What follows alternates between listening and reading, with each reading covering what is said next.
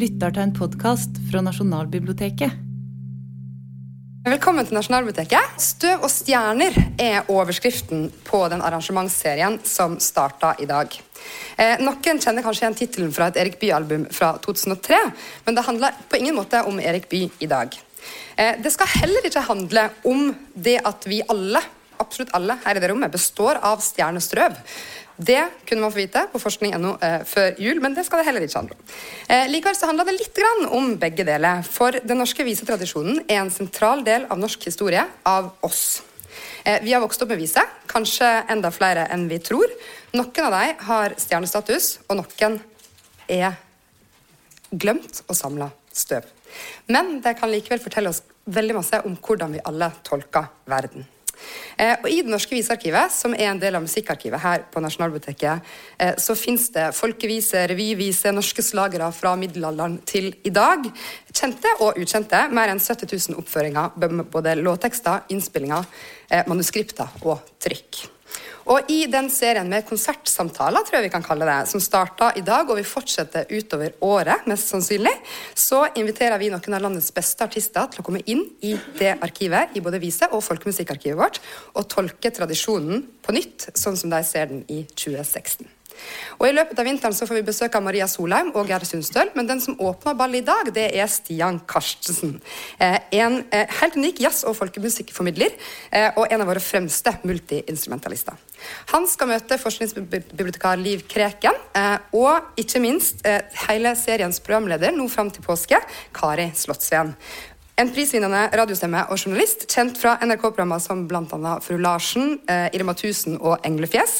Og en ekte musikkentusiast. Jeg vet at hun gleder seg veldig masse til å møte Stian Karstensen og Liv Krenken, så jeg gir ordet videre til hun. Velkommen, Kari Slottsveen.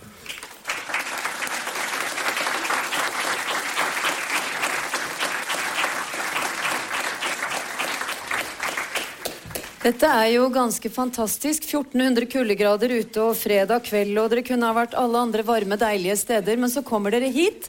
Tusen takk for det, og velkommen. Veldig hyggelig. Og selvfølgelig velkommen inn i vårt vakre nasjonalbibliotek. Er vi ikke heldige som har dette her? Det er så fint. Eh, det står sikkert noen som skyndte seg, som var ute litt i siste liten, og som eh, stormet av gårde på strømpelessen, som har frosset fast i trikkeskinnene der ute. De rekker det ikke. Men dere rekker det.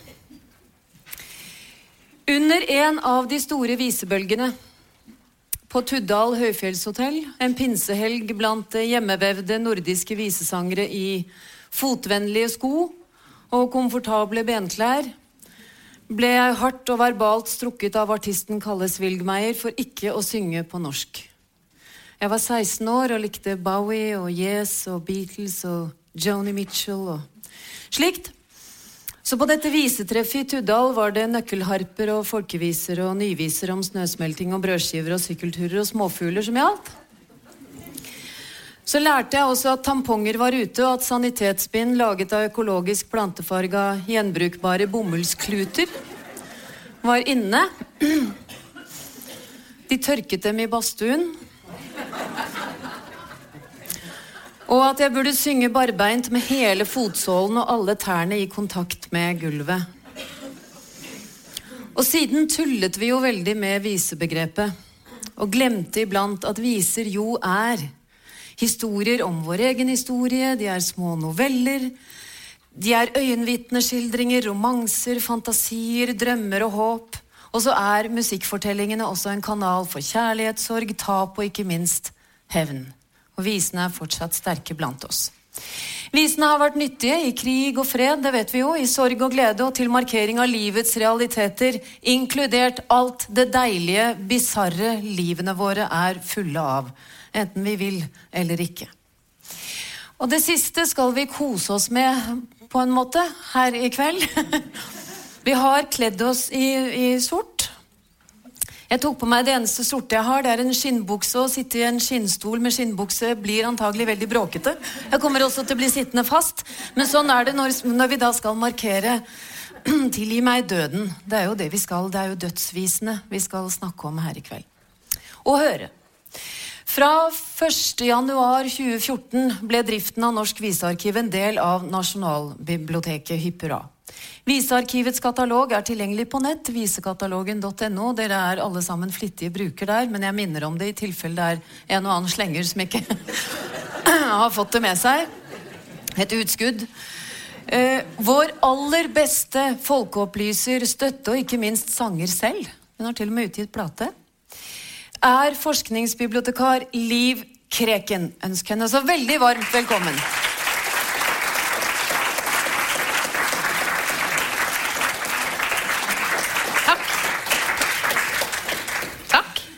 Det er jo litt sånn snålt å sitte fordi jeg, blir, jeg har jo lyst til å hoppe og sprette. Ja, men, men hopp og sprett, du. Velkommen. Og du, du har, hun, vi har hatt et møte på forhånd. Og Liv vet fantastisk mye både om visearkivet, men ikke minst om musikk. Jeg var jo ikke klar over at du også jo har vært utøvende musiker. At du synger. Det skal dere også få høre i kveld. Hipp hurra for det. men aller først, hva, hva er en vise? Ja, hva er ei vise? Det er ikke det. Det er veldig mange, sikkert en del her òg, som har prøvd å svare på av og til. Og eh, det tror jeg vi egentlig ikke har noe fast fasit på heller. Men på Norsk visearkiv så definerer vi iallfall ei viser, eller det som vi ønsker å samle i, i visearkivet til Nasjonalbiblioteket. Så er det det eh, Det er altså musikkstykker som har en tekst og en melodi og en kontekst. Det vil si at det òg er viktig hva hele visa i seg sjøl sier. Mm. Hvis du ikke har teksten, så blir det et musikkstykke. Og har du ikke melodien, så er det lyrikk. Men setter du det sammen, så får du da ei vise. Har du et eksempel på kontekst? Ja, men det, det, er jo i, i grunnen det da Det er jo nedliggende på en måte å begynne med middelalderballadene, f.eks. Mm. Som er med omkved, og, og der, du har, der, du tar opp i en eh, Eh, eh, refreng. ikke sant? F.eks. Kråkevisa, der du synger eh, opp igjen det der Og mannen ikke ja, sko heifara. Og, og heifara. Der du tar opp igjen det. ikke sant? Der, ja. der det på en måte er med å sette stemningen. da. Ja. Det, er både, det, er ofte, det er veldig ofte sånn at ei vise ei vise gir, hvis visa gir mening, mer mening med at du har melodi på, så er det jo ja. typisk ei vise. Ja. Men vi har aldri prøvd å definere totalt ei vise, og vi har vel heller aldri det er ikke mye vi har sparka ut for at det ikke er vise, så lenge det er tekst og melodi. da. Hvor mange viser finnes det i visearkivet? Har du sånn noenlunde anslag der? Uh, vi, har jo registrert, uh, vi har jo registrert en sånn uh, 77, tilslag, 77 000 tilslag. 77 000? ja, på, på, i visekatalogen. Da. Men det er jo mye forskjellig, og det er kanskje viser som går igjen og igjen. Men men noe sånn eh, anslag på akkurat hvor mange, det, det har ikke. Men det er utrolig mye. Og det er jo eh, eh, litt av det som jeg sier, at vi begynner jo, vi begynner jo ikke i Turdal. Sammen med Kalles Vilmeier. vi begynner lenge før det. Vi begynner på 1500-tallet med middelalderballadene. Mm. Og så tar vi for oss eh, det som på en måte har vært framover. Og det er litt ikke sant? Du hadde middelalderballadene i aviser, så ble det avløst av kanskje skillingsvisene, så ble det avløst av folke, mer av det som en tenker på som folkevise, som blir av, så, ikke sant? så får du revyvise, så får du får liksom mm.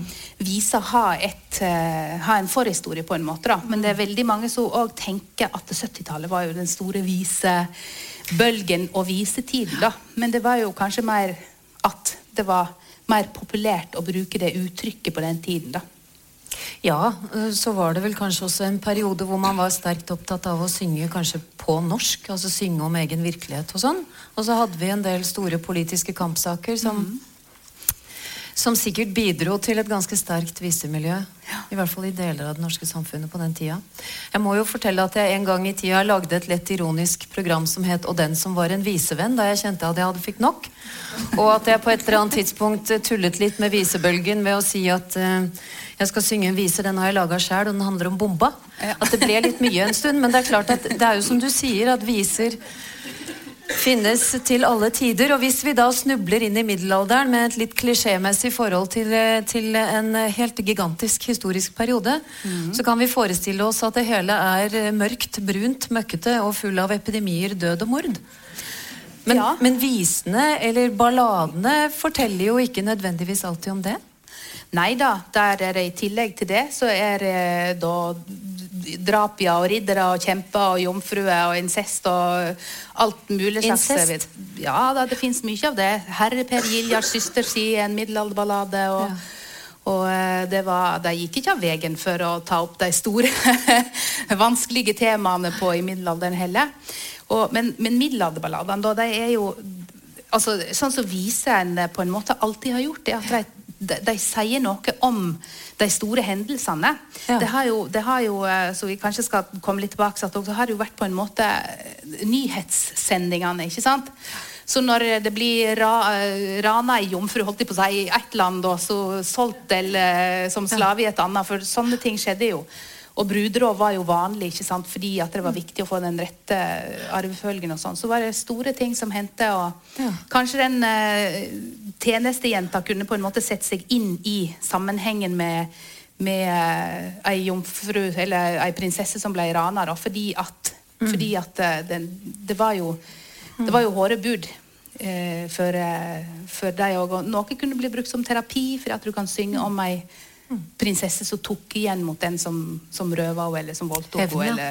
Ja, ikke sant?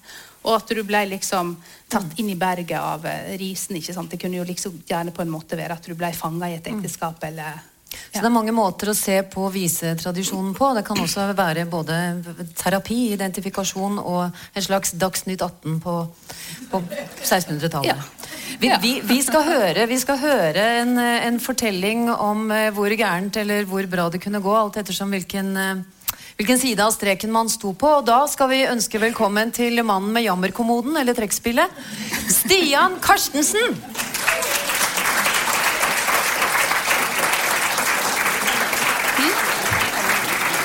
Er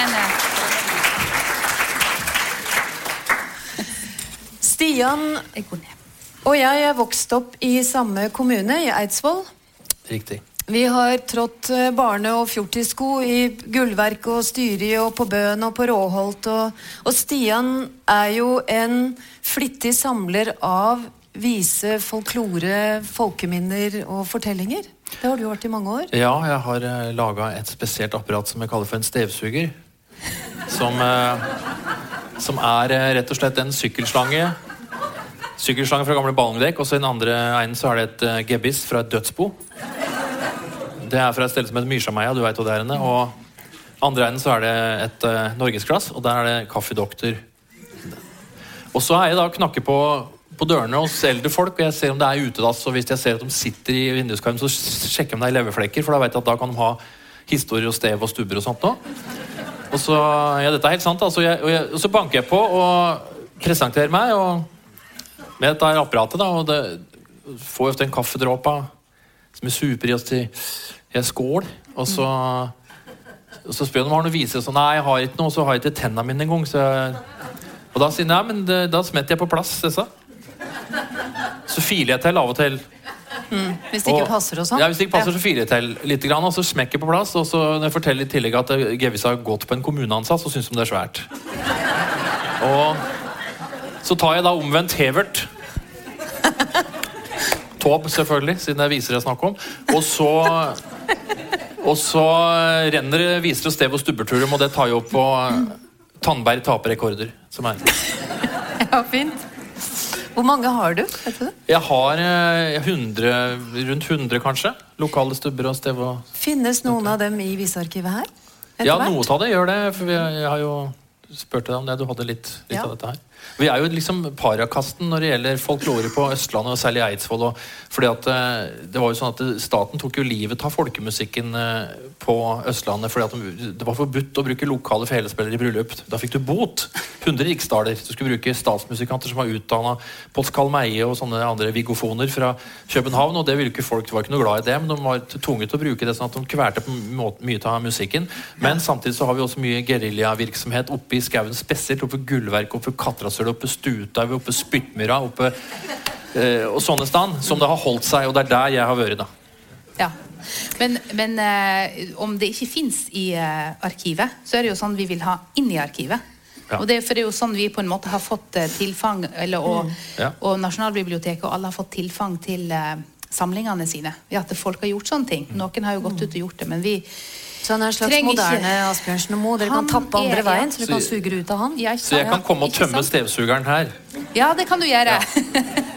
Men nå skal vi til eh, Ja, hvor er det de holder til, disse brødrene? Ja, det er jo Stutauet som jeg har eh, nede Altså, ja, du har jo vi har hørt denne historien, men jeg har i hvert fall alltid hørt denne historien fra jeg vokste opp på Eidsvoll, om disse tre brødrene som bodde oppe i skauen oppe ved Stutauet, som aldri vært gift. Det vil si, de hadde et kvinnefolk som bodde der en kort periode, og da var det noen som hadde spurt dem på butikken ja, «Åket, hva er det som er i hopes med, og så sa å nei, vi har ei hopes. uh, og disse kara var uh, praktisk anlagt, da, så de levde rett og slett av tjuvjakt. Og en annen ting som de drev med, var de ble kalt for haukere. Fordi at de klatra opp i høye trær, og så tok de og, og, og batt fast beina til haukunger med ståltråd. Og så ble de fòret opp, da. De kom seg ingen stand, for de var jo bøttefast. Og så klatra de opp der og henta dem når de ble store, og så solgte de til folk som drev med jakt og sånt. Nå. Og eh, dette var, altså, I 54 så skrev Hans Børli om disse kara i Magasinet for alle, og blei saksøkt av familien og tapte rettssaken. Men historia er sann. Eh, for det, at det som skjedde var at kara etter faren deres daua, så brukte de far sin som reveåte. Og, og de sa de hadde skutt i 17 rever og et par måer, og på, på en vinter så hadde de gjort det. Og det er jo her Dette setter jo på en måte fargene for denne kvelden. Kan vi si at det å bruke far sin som reveåte er bare begynnelsen, og dere kan glede dere til fortsettelsen. Hvis det er noen som er litt ømskinnet og sånn, så vet dere vet godt hva det er dere har gått til her. Ja, Skal vi begynne? Vi kan eh, rett og slett gjøre det. Og denne skal jeg ta helt eh, Ikke kødde med naturen i det hele tatt. Skal ta den uten instrument. Det er a cappella. Ja. Så et, et, stev derfra. Og, jeg synger liksom litt i tradisjon etter bestefar min etter han hadde fått en fire-fem akevitt på julaften. For da, da fikk han sjøltillit, og så begynte han å synge, og han sang på en litt sånn spesiell måte. For han hadde vært en del i hopet som tatere. Og det har jeg òg, da. Så jeg har litt sånn sleng på han. Som eh, bl- blanding av bestefatteren og litt tatersleng, da. Og dette er altså sann historie, og eh, den går sånn, bare finner riktig tonearten, sånn mm, Akkurat det. Den visa jeg skal sjunge nå, er både fæl og rar. Om tre sære brødre og deres gamle far. De bodde inne i skauen vest ut av en stand. Langt fra både prest og fut og kvinnfolk og lensmann. De gaukestol og jakte, ja, god gud som de holdt på. Tiuren åt dem levende, og gjedda åt dem rå. Ta allment arbeidsslag og dum, så gjorde de ikke stort. Nei, de livnærte seg godt på stølin, potet, elg og mort. På kooperativen var dum en gang iblant. Dum hamstre sukker, snus og gjær og dro i mat og brant. Ja, inn på skauen er laga dum en pjolter-variant som fikk folk til å bli huggerne og til å tala sant. Men lensmann han fikk nyss i at dum eh, jakte stol og brann og ville til å arrestere kara alle mann. Han fikk med seg en hestekar og solid hampetau, men halvveggars så smalgit og gampen han datt dau. Og verken kusk eller lensmann, dom tøle å bli att. De flaug tilbake at begge det var kronglete og bratt. Og når de morgenen etter skulle hente vogn og gamp, det eneste som var at var en liten kveil med hampe. Men så en gang i oktober i lyset tafelmåne De skaut en diger elgokse, og far de skulle flån. De blikstre fort på gammelen som kute til med ljån. Men før han fikk begynt han stufte gitt, og dau i skauen lån. De akkederte seg imellom før den eldste sa Jeg tror at far sitt lik det kunne være greit å ha. Så kara meldte ikke fra, nei, de satt den inn ved skåren. Der sto han i flere måneder mens de hever pensjon på han. Men dyra de fikk teften tønn og luske der omkring. Når kara såg det, drog de gammelen ut som ingenting. Så la de ut på tunet og satte seg i le. Så skaut de mår og rev på han, snakk om å hvile i fred. Sånn holdt de på til isen gikk, da sa den eldste bror. Nå tru jeg vi må melde fra, jeg veit og doktoren bor. For knea hans, de siger, og lukta er så ram. Ja, de får stelle litt mens jeg bort og henter doktordam. Og doktoren såg på liket ta karas gamle far. Han syns nok at den var litt bleik og tufsete og rar. Og dødsårsaka, det slo han fast med besvær og ubehag. Kjeften på den er skakk, jeg tror nok denne har hatt slag. Å nei, du kjære doktor, det var nok ikke slik. For etter vi skaut mår og rev på far sitt klaka lik, så satt vi inn i skåren, ja, like inn ved dass, og fjøslakta den hang vi fast i underleppa hass. Så skulle de begrave han far en regnfull aprilsdag. De hadde laga kista sjøl med hammer, spik og sag. Men kassa vart for stutt, gitt, og gammelen vart for lang. Så saga de tann beina mens korp og troster sang. Ja, moral her i visa, ja, den står rein og klar. Ja, du veit det står i Bibel, du skal hedra mor og far. Og kara hedre far sin ved å bruke hele han. Ja, noe bedre nyttet av opphavet, ja, det går nok ikke an.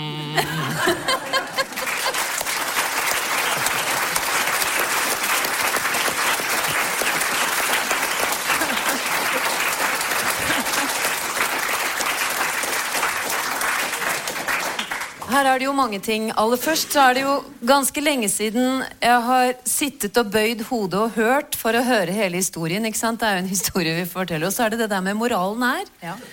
Som du jo ofte hører i veldig mange viser. Ja. Var det en tradisjon? Så det der med at man skulle summere opp det hele ved å ha en slags Ja, Det kommer jo litt an på hva type vise det var. ikke sant? Men det, men det er jo òg når, du- på en måte når du brukte det som nyhetsmiddel eller som historie, så, så kommer jo moralen til slutt på mange måter. Og det som er litt sånn interessant her òg, det er jo at eh, hvis du tenker på kråkevisa, da, ikke sant? og den som ikke kan nytte ei kråke, så er ikke verdt ei kråke å få.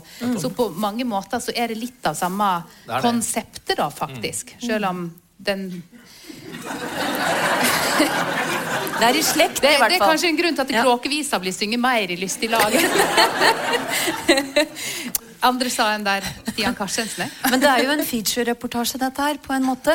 Men det er jo um, det du synger om dem også Du har en gang fortalt meg om disse som har litt um, stor drøvel.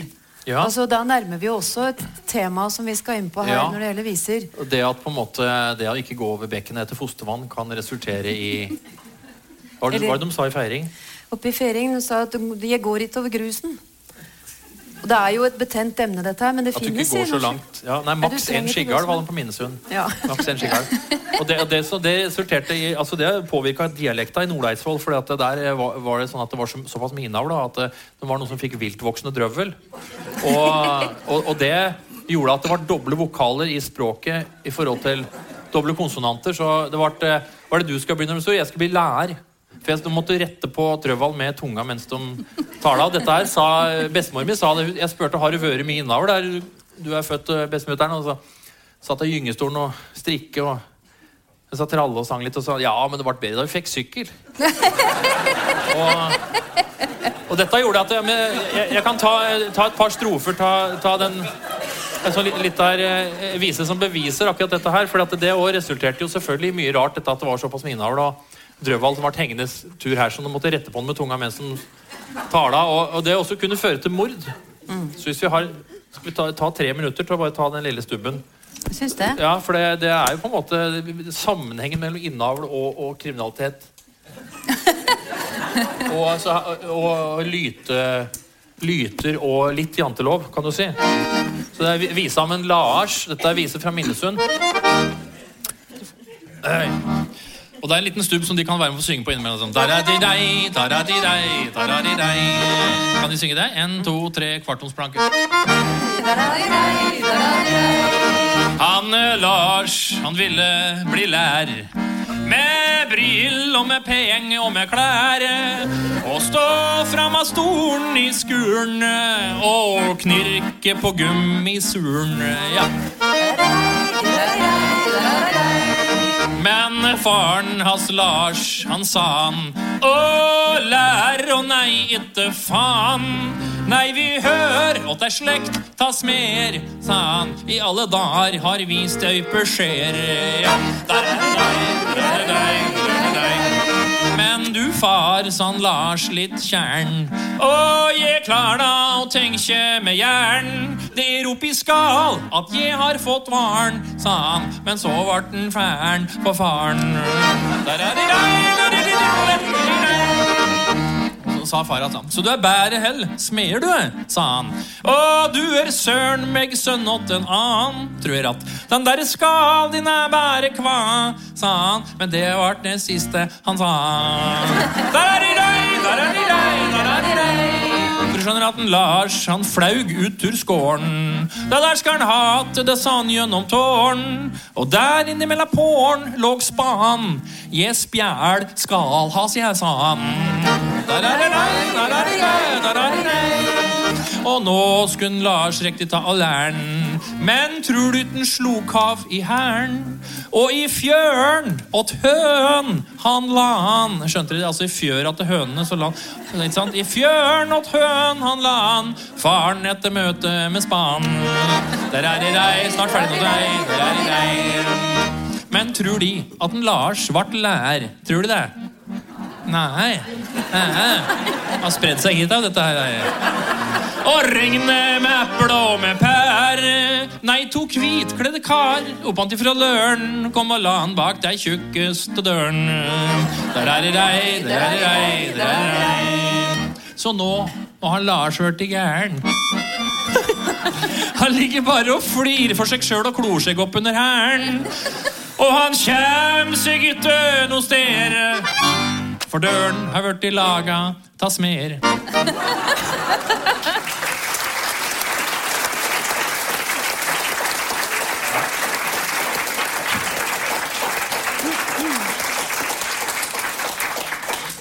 Så fikk dere forklaringen på det også. Det finnes en god del å, å hente fra Stian Liv. Ja, Men det, det- finnes også mye dødsbra viser om um, det vi kaller Hva er det uh, latinske navnet for det? Det er tapefobi. Ja. Vi har snakka om det også i dag, skjønner dere.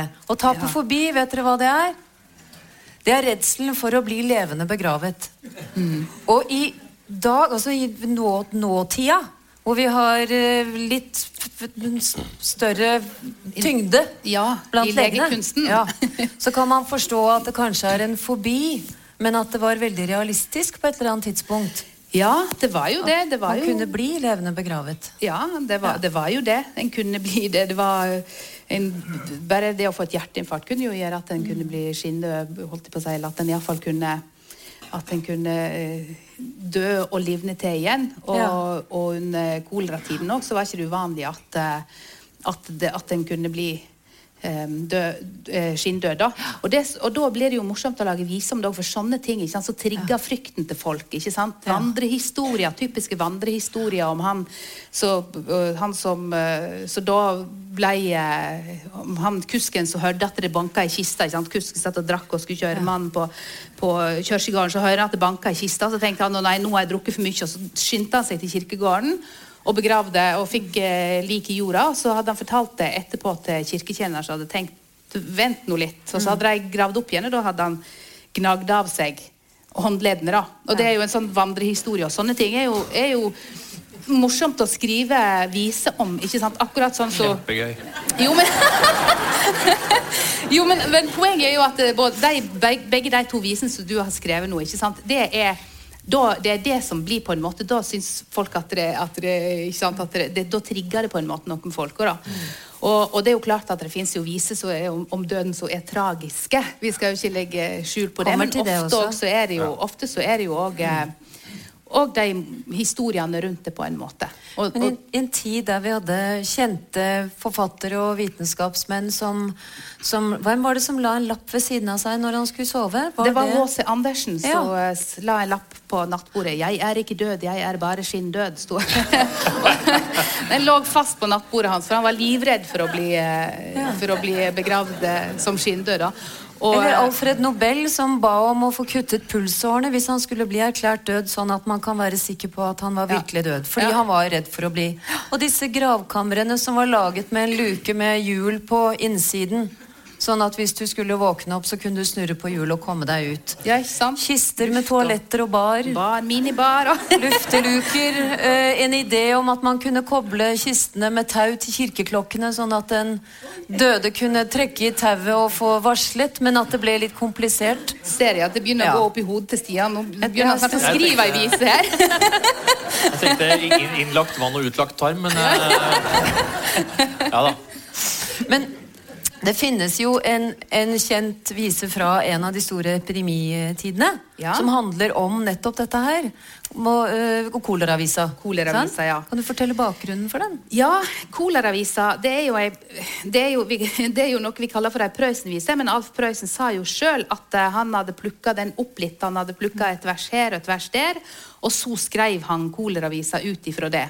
Og, da, og når han sa det på den måten, så, så, eh, så, så vet vi jo at det er sant, for han var jo veldig etterrettelig i forhold til det han sa da. Men, eh, men det, vi finner veldig lite om den uh, visa. Jeg har snakka med Elin òg, og det, det er på en måte veldig lite rundt den, da, uten at han, eh, uten at han har skrevet den. Og det som er litt eh, rart, at vi kjenner ikke til det i, ellers i Norden heller. Det er liksom ingen svenske eller danske. Vi har jo hørt den svenske versjonen, men det er jo eh, Jøye Sundstrøm som synger Prøysen sin versjon, da.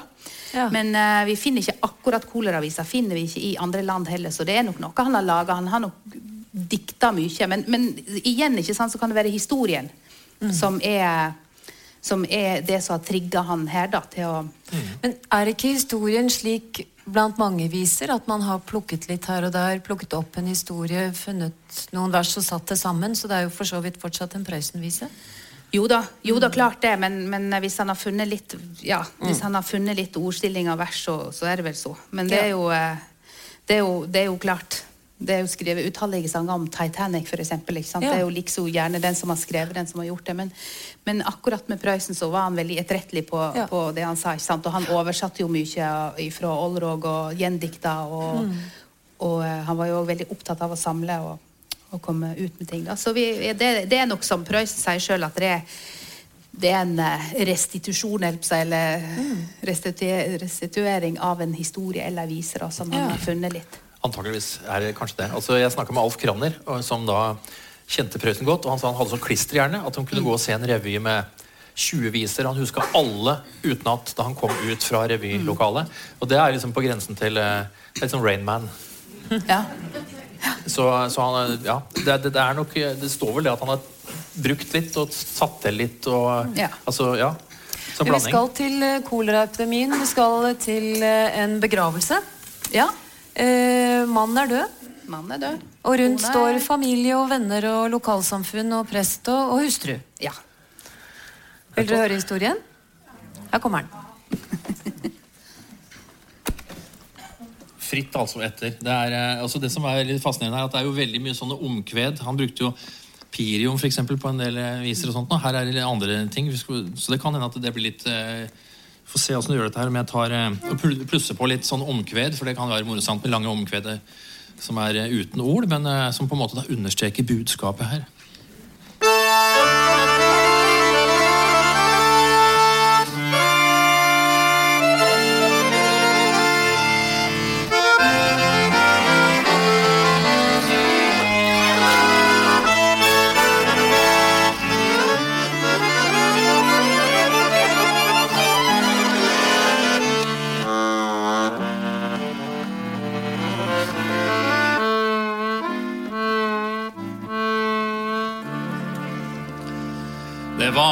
Seg en gang ute i koleralandet uh, at de skulle begrava en skyndau mann så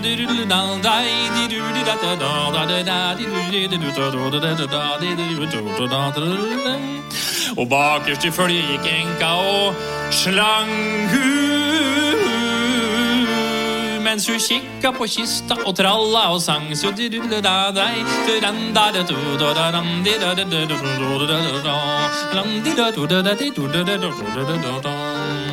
Men da de var kommet til kjerkemuren opp uh, Skauen lokket av kista, den skinndaue kropp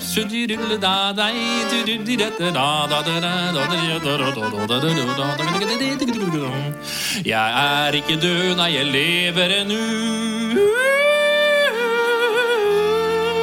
De har reist ut i fånytta, skynd skundek og snu.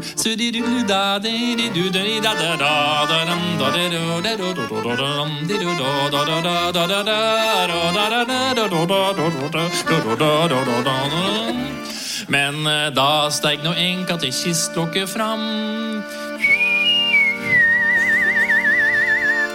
Åssen er det du bær deg, du føler ikke skam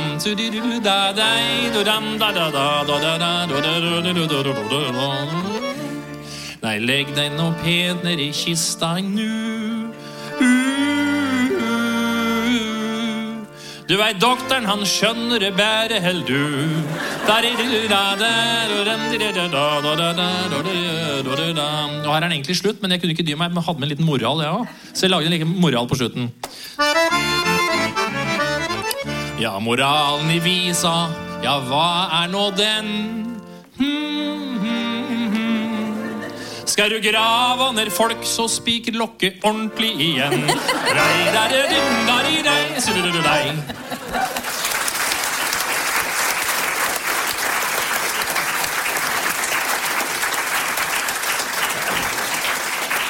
Jeg, jeg, jeg kom, på, jeg kom på en bitte liten, et veldig kort sted som jeg samla inn med apparatet mitt eh, for et par år siden. eh, Også ei gammel kjerring oppe i stedet som heter Bukkedalen. Og du vet kanskje hvor det er henne styrer i? Eidsvoll styrer og da er vi nede. Riktig. Ja. Der er en offerstein som fra hennes tid har Vi ofra jo Dyr, jo, ja, dyr og jomfruer og sånt nå. Det var en som tok på seg å ordne opp så det ikke var så mye jomfruer her, så det skulle, det skulle bli så stort problem. Så knakka på dørene. Jeg kan hjelpe deg med dette problemet. Ja, du får komme inn. Men i hvert fall nå så er det sånn at de eh, Ja, han var veldig empatisk. Men nå er det sånn at folk legger kvister og sånne ja, små ting fra naturen oppå der. Slags offerstein. Og der er det da det er et bitte lite sted øhm, som eh, handler også om begravelse. Det går sånn som dette her. Det var et kjerringskinn fra Bukkedalen som sto glana mot sola. Plutselig vart det jaggu væromslag, så vart det trøffint av tola. Men det som verre var, var at da de båra var og skulle legge ned til jorda, ja da gola, ja det jorda. Var ikke enn det.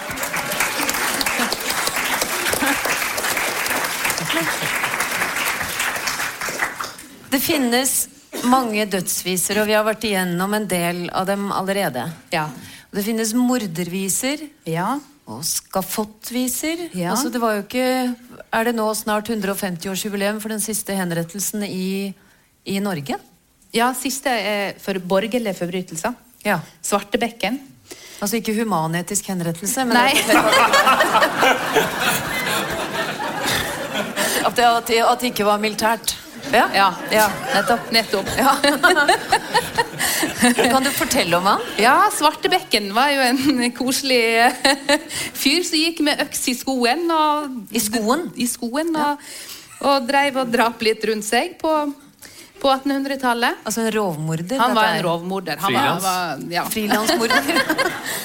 han var Han, eh, han eh, var Han var nok en uh, tøff og hard og mørk fyr, og han ble altså da uh, halshogd. ja.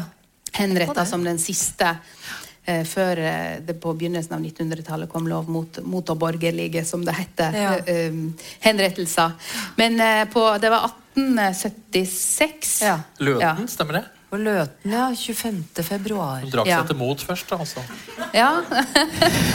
Før han døde. Ja. Det er løyten. Han, ja, eh, ja, men det er samme stedet, det skjønner du. Ja, ja. Nei, men han, altså, han tok jo livet av en eh, ganske ung fyr som han hadde fått, eh, som han hadde fått følge med. da. Som hadde vært og, og, eh, og eh, solgt eh, noe landbruksprodukt på et marked, så han ville tidlig hjem igjen. Han ble jo advart fordi at folk visste at det var folk ute. Og, og Svartebekken var Jeg vet ikke om det var akkurat han de advarte han imot, da, men, men han, han ble i alle fall da henretta. Og han var skyldig i det han hadde gjort. Ja da, det var vel liten tvil om at han var det. Ikke at det er noe forsvar for å kappe huet av men det kom ganske mange. Det kom 3000 tilskuere den Ja. tidlige iskalde morgenen på Det her er jo ingenting imot Nei. Nei. Ja. Nei. Men, men, så det, men så er det jo det Det er kaldt i dag òg. Ja, ja. Og det var ikke han som skrev sangen om, eh, om eh, Svartebekken selv. Nei. Det kan vi ikke tro. Nei, det, det, det var det ikke. Og det er litt morsomt med de skafottvisene. For skafottviser de ble jo da skrevne når, eh, etter at, at, at folk ble henretta på, på skafottet. Og, og, og eh, eh, ei ekte skafottvise skal være anger. I, Det skal være anger der du ser tilbake på livet ditt og angrer det du gjør, slik at du da skal kunne på en måte komme deg unna skjærsilden og, og havne på rett plass når du da, eh, når du da på en måte endelig er død. Da. Ja. Og det som var med at eh, Om da Svartebekken Om han om han angra seg, og han sa om den visa ble skreven ut ifra det han sa, eller om den visa ble skreven ut ifra det folk vil tro han har sagt, det, det er jo mm. vanskelig å si. Men, men det var vel ikke veldig lenge etter at han var, at han var død, at det visa på en måte at visene kom i omløp, og det kunne være flere viser om samme henrettelsen. Og, og, eh, og det var jo et medium, ikke sant? Det var De 3000 som var der, fikk det jo med seg, men alle de andre på en måte fikk vite om at nå er det blitt henretta en mann på, den, på den måten. da. Så eh, Men noen av disse visene ble jo trykket opp også på det dere kaller skillingstrykk, ikke sant? ja. Og ble da det vi kaller skillingsviser, som jeg ofte tenkte var en bestemt type vise, men det trengte ikke å være. Nei. Det er jo Skillingsviser det sier jo noe mer noe om måten de ble distribuert på, enn type vis. ikke sant? det? Det var fordi at de ble trykt opp på enkeltark med, som ble solgt for en skilling. For, Ja. og, ble, og, og distribuert på den måten. Og gjerne til kjente melodier, sånn at folk slapp å lære seg melodier. melodien. da. Så ble de solgt rundt omkring og, og kom i omløp på den måten. da. Så det var jo et eh, det var jo Dagbladet, holdt jeg på å si, eller det var jo VG, det var jo tabloidavisene på den tiden. da. Akkurat som middelalderballadene faktisk var det i, i middelalderen. da. Så, eh, så var skillingsvisene rett og slett eh, avisene på en måte. Ja. Slags en nyhetsblekke. ja. Og så eh, Om ikke alle kunne lese, så var det kanskje en eller annen som kunne synge, i hvert fall, som kunne, som kunne lese det og synge det opp. ikke sant? Og, Ja. og lære det videre til folk. Og, og, eh, ja, og videreformidle det. da. Og det, og det ser en jo på, på eh, på 1800-tallet nei, ja, på 1800-tallet under nasjonsbyggingen, den store nasjonsbyggingen, så ble jo den typen visende som på en måte hadde blitt solgt som underholdning, det ble jo da det ble jo ikke høgverdig nok på en måte i nasjonsbyggingen da på, på 1700- og 1800-tallet. Så da var det liksom, da skulle en tilbake til middelalderballadene og ta, den, ta, det, ta det. For det var liksom det var mer sånn- det var høyverdig. Og det var, det var Og ikke alle der heller. Det skulle ha spesielle strofeformer. Det skulle ha spesielle eh, måter å bli synge på og, og omkved og sånn. Men eh, Regulerte måter hadde litt med som folkemusikerne, som Ja. ikke kunne spille fritt i brylluper og Nei, sånn. ikke lokal vare, det var ikke bra nok. Nei. Skulle komme fra København. Ja. Ja. Men, Ja. og, og, og da ble det som sagt litt med det òg, at de fikk tabloidstatus, rett og slett. altså skillingsvisene. Ja. Vi har også Jeg, jeg tenkte jo at det fantes eh, lignende viser fra, fra krigen, men vi har ikke funnet så mange der. Nei. Kanskje om, om slag, om, om heltedåder og dette tapre, eller, eller håp om at ting skulle gå bra, eller lengselen etter dem som var borte, men ikke egentlig noe som er eh, sterke meldinger om død og lemlestelse og krig og slikt fælt. Nei, det er jo ikke det. Det, det fins jo viser f.eks. om, om henrettelsen av eh, Vidkun eh, Quisling. Og det, Ja, det finnes, eh, og det finnes jo, det finnes jo viser og, og, eh, om, eh, ja, om Katnosdammen og, og, og, ulike viser ifra det. Men det var mer kampsanger, på en måte. Det var det, og så var det den her eh, 'Jeg skal komme hjem til kjæresten min'-type sanger. Ja. Og så er det vel eh, er det vel også, i hva- Danmark eksempel, hadde, har veldig mye nidvise kan du si, om Hitler og den type Ja. ting. da. Ja, Og det kom kanskje litt mer fram i, i revytradisjonen i Norge òg Ja. etter krigen. Eh, og de, de som vi kjenner til fra f.eks. Vidkun Quisling, kom jo etter krigen. ikke sant? At når det var, da var det litt sånn ha, vi har vunnet, nå skal vi synge nidvise vise om det. da. Men akkurat eh, i sjølve det mørke, dystre, så, så skriver kanskje folk ikke så mye eh, dødsvise på en måte om Nei, det. det. Det blir mer en beskrivelse av ting som har vært, eller Så klart. Men skuddene ved Katmosdammen, da skal vi jo i Nordmarka nord. Hadeland, Lunder, eh, Almenning omtrent. Ja. Eh, og Katnosa der Altså, det ligger jo flere sånne gamle Milorg-stasjoner oppover i løypene der. Det er kanskje noen av dere som har gått på ski oppover og sett at her står det noen sånne små minneplater. Og da kan du jo forestille deg dem som lå på skauen, da. Ja, altså, jeg, Eh, på den som tiden. jeg har hørt, har jeg, så var det Pål Clasen som har skrevet denne avisa her. Oh, ja. Eh, Sønnen til Lyktemannen, hvis noen har hørt om Lyktemannen, som var tydelig radiostjerne. Som, har, ikke du, har ikke du en viss forbindelse med Lyktemannen? Han var far til min stemor. Ja. Han var superkjendis i Norge og hadde sånne stadionforestillinger hvor, eh, hvor byen lå øde og alle skulle høre på Lyktemannen. Riktig. Eh, og og Pål Clasen var jo også da den sportskommentatoren som kanskje noen husker fra 70-tallet, som ble suspendert. Det kan dere google. Dette var jo på den tiden kringkastingen sa nå er det på tide å legge seg.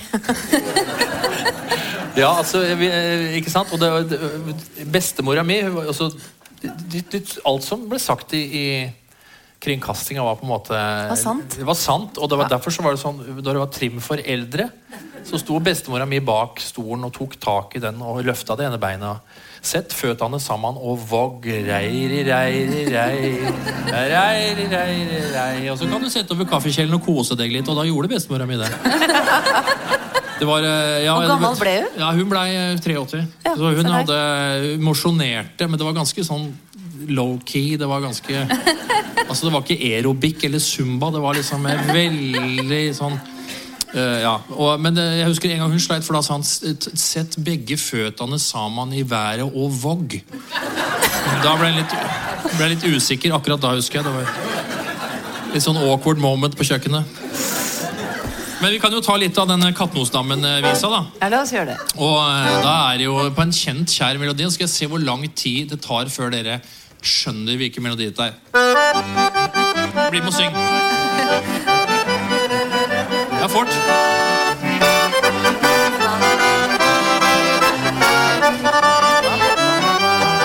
Ta en tur til Katnosdammen og bli skutt.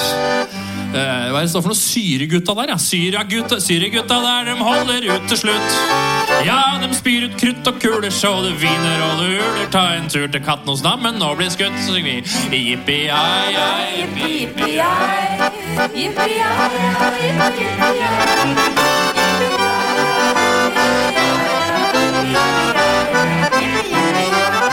Det er masse vers, altså, men jeg skjønner Det var litt sånn lystig melodi. da sånn, Kanskje satte litt sånn liv mot i folk. og Ja. ja.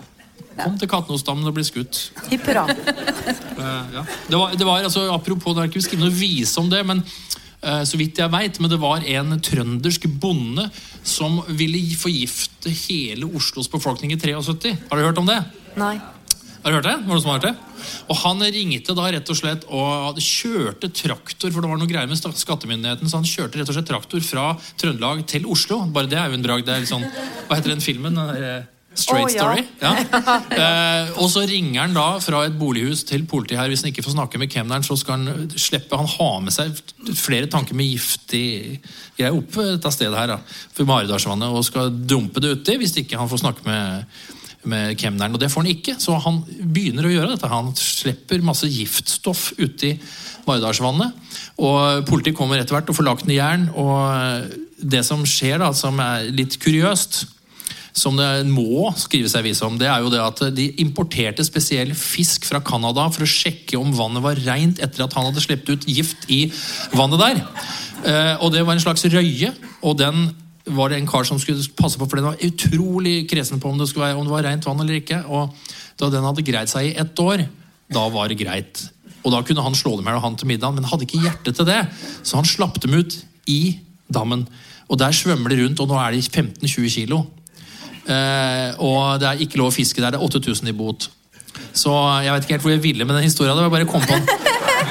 Du skjønner, Jeg abonnerer på alt om fiske. Eh, så det, det, altså, det kunne ha blitt Alle i Oslo kunne ha stryket med, men isteden så fikk vi kjemperøyer i Maridalsvannet. Okay. Og Karsten fisker da ørret fra kajakk på Vorma i Eidsvoll, bare for å si det. Ja, Og der er også efter sigende folk som har sett sjøorm. Ja, Har du hørt det òg? jeg har hørt det. Så det er også viser som må skrives. Ja, ja. Okay, ja, Det er mange viser som må skrives. Vi har, jeg tenkte også på dette med de store epidemiene. Vi har vært innom koleravisa. Og frykten for å bli levende begravet. Og de store, altså pesten, den store pesten eksempel. Vi har ikke så veldig mye Nei, fra den tida. Har vi Vi det? har ikke det. Nei, vi har jo ikke det. Og, og det er jo klart det at det er jo, det er jo lenge siden òg. Det er jo et, et poeng her, holdt jeg på å si. Men, eh, men der har vi jo mer sånn eh, barnerim på en måte, så er kommet i et, ettertid da med, med jeg gikk en tur på stien og hørte pesta lo. Da hørte jeg fra lien en mann som hosta blod. Ko-ko, ko-ko. Mann som hosta blod. Ko-ko, en mann som hosta blod. Okay. Er det ganske ny? Er det nyere? Ja, det er jo klart at det er nyere. Og, Det er etter 1349? 1349. Litt- Det kom et skip til Bjørgvin i 1349. Det var en gjeng med briter, og de var syke, de. Det liksom, det er jo beviselig etter svartedauden, i og med at det er. Blix som har skrevet. For det var, det, jeg husker liksom farmor sa Å, Gud for dagen du, du, du, salme, som Ja. egentlig, ja. Akkurat. Men det er jo, og det er jo også typisk å skrive sånne eh, altså barnerim, tulleviser på 'Min Gud, han har en gammel Ford' og sånne type ting. Det Ja, bruker ja. han jo om, om, om, om alle om alle tema, holdt jeg på å si, og, og omskrivinger. da. Ja, det, det skjer når jeg var på Svalbard på Polarjazz for et eh, år siden. eller sånt nå. Og Da var det da eh, et par nederlandske damer som hadde blitt advart ikke gå ut, for det er bjørn. Men de gikk ut allikevel, og den ene Ja. ble spist av bjørnunge. Og da var det selvfølgelig noen sånn Bamsemos, bamsemos. Så, så dette her er en terapiform som lever i beste velgående. Ja, ja, men, eh, men det er jo det. Vi sitter jo og ler på en måte. Ikke sant? Ja, ja, ja, men det er jo, vi må jo le av ting. Ja, vi har jo Det er jo underholdning. vi kan jo ikke sitte og se bestemødrene våre ta trim for en. Alle sammen. Alle disse tingene er kanskje nød, er nødvendig i et menneskeliv. Vi trenger disse kanalene, Ja. disse pustehullene, og vi trenger også litt uh, svart humor iblant. Jeg har jobba en god stund på psykiatrisk sykehus og hadde en kollega som la et stykke tau og en flaske tran i garderobeskapet mitt, og så sto det 'god vakt'. Um, og det er klart at Sånn kan man jo ikke si til noen andre enn sine egne kolleger, men det er helt nødvendig, og vi, det betydde ikke at vi gjorde en dårligere jobb. Vi hadde det en veldig bra jobb. Så da, da kan du for eksempel å synge eh, Jeg er ganske ustabil og kommer ifra Horten. Hei, fadderi og fadderullan deg. En psykiatrisk pasient av den gamle, gode sort, for eksempel. Jeg bare kom på det. For, for eksempel. Men ta, ta, ta barneregla bro, bro, brille. Har dere tenkt på hva betydningen av den er? Det er kanskje en del av dere som kjenner til det. Hva handler den egentlig om? Den handler jo om døden, ikke sant? Ja, ja, akkurat. ja. Og den sorte gryta er helvete. Ja. Akkurat. Og dragkampen mellom liv og død og broen over Ja, til dødsriket, skulle man tro. Brui, som finner i Draumkvedet. Og, og, ja, og den, Ja. en finner jo den London Bridges, Bridges Falling Down, og, så er på en måte en variant av samme barnevisa. Ja. Og den, og den barnevisa, Bro, bro, bil', den fins jo over hele verden i utallige varianter i Korea og Japan. Og, og, og, og, det, og det handler om det samme. Altså det er broa over til dødsriket. Ja. Og det er barnesanger. Og, og kanskje de fleste av oss kjenner det at du skal velge mellom eksempel eple eller banan, og så skal du stille deg bak, og så skal du ha den dragkampen. Men, men eh, det, har jo, det var jo, jo blitt brukt og Vil du ha fanden eller Gud, liksom? At du Ja. på en måte måtte velge sider, da. At den ene Og den som kommer aller sist, skal i den sorte gryte. Den Når vi skal i den sorte gryte, Ja. først snakker om barn, så Døden tenk skal du lide. I døden skal du lide. Ja, ja. Mm. Og, det, og det skal vi jo alle. Eh, det er jo der vi er i dag. Og vi skal avslutte på tristeste vis Virkelig trist og veldig alvorlig er det også, og det er ingenting å le av, men det er likevel en sang. Fra en tid som var fryktelig smertefull for så uendelig mange tusen mennesker. Folk mistet hverandre, og de mistet familier, og vi kjenner det alle sammen. Edvard Munch mistet sine. Og likevel så er det jo også en del av det som er disse sangene som blir sunget av så mange, og som har blitt sunget av så mange gjennom alle tider. Og denne her var så kjent at eh, Stian kaller den jo frem fra ranselen. Ja. Og vi hadde til og med en, en tøyseversjon av den der. Hvordan var den? Ja, det, det husker jeg også. I- i- Uh, Irvi en sarvar på Horovo, spirrer vi tarvare, våre vår, de hvite servenger står vår.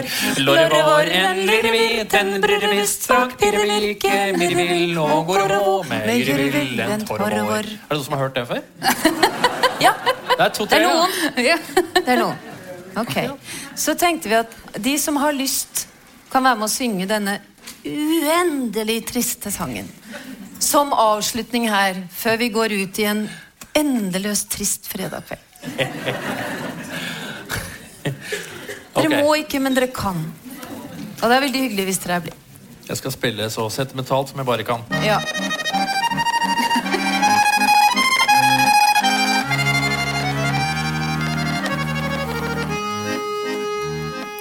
I en sal på hospitalet hvor de hvite senger står, lå en liten var like mild og god med gyllent hår.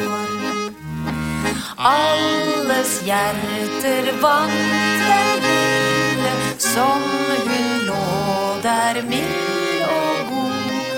Bar sin smerte uten klage som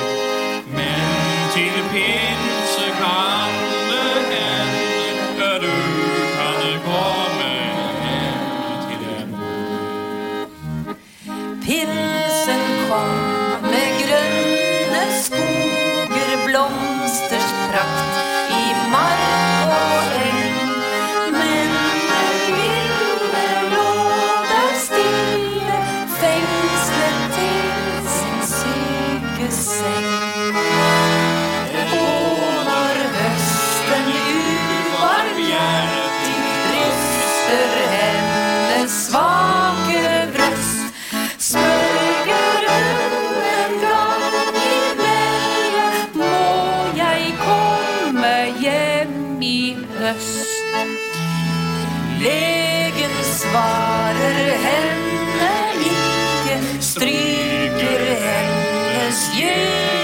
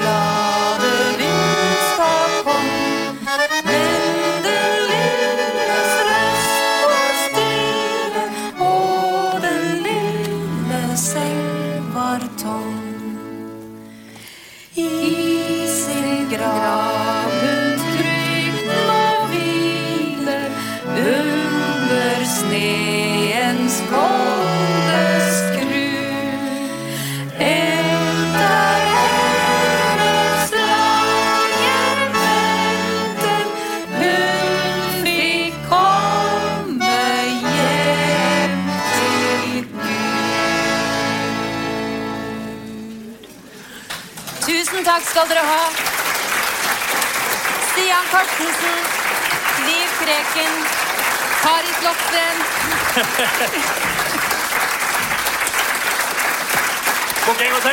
Yeah. Tusen takk. Og god tur hjem.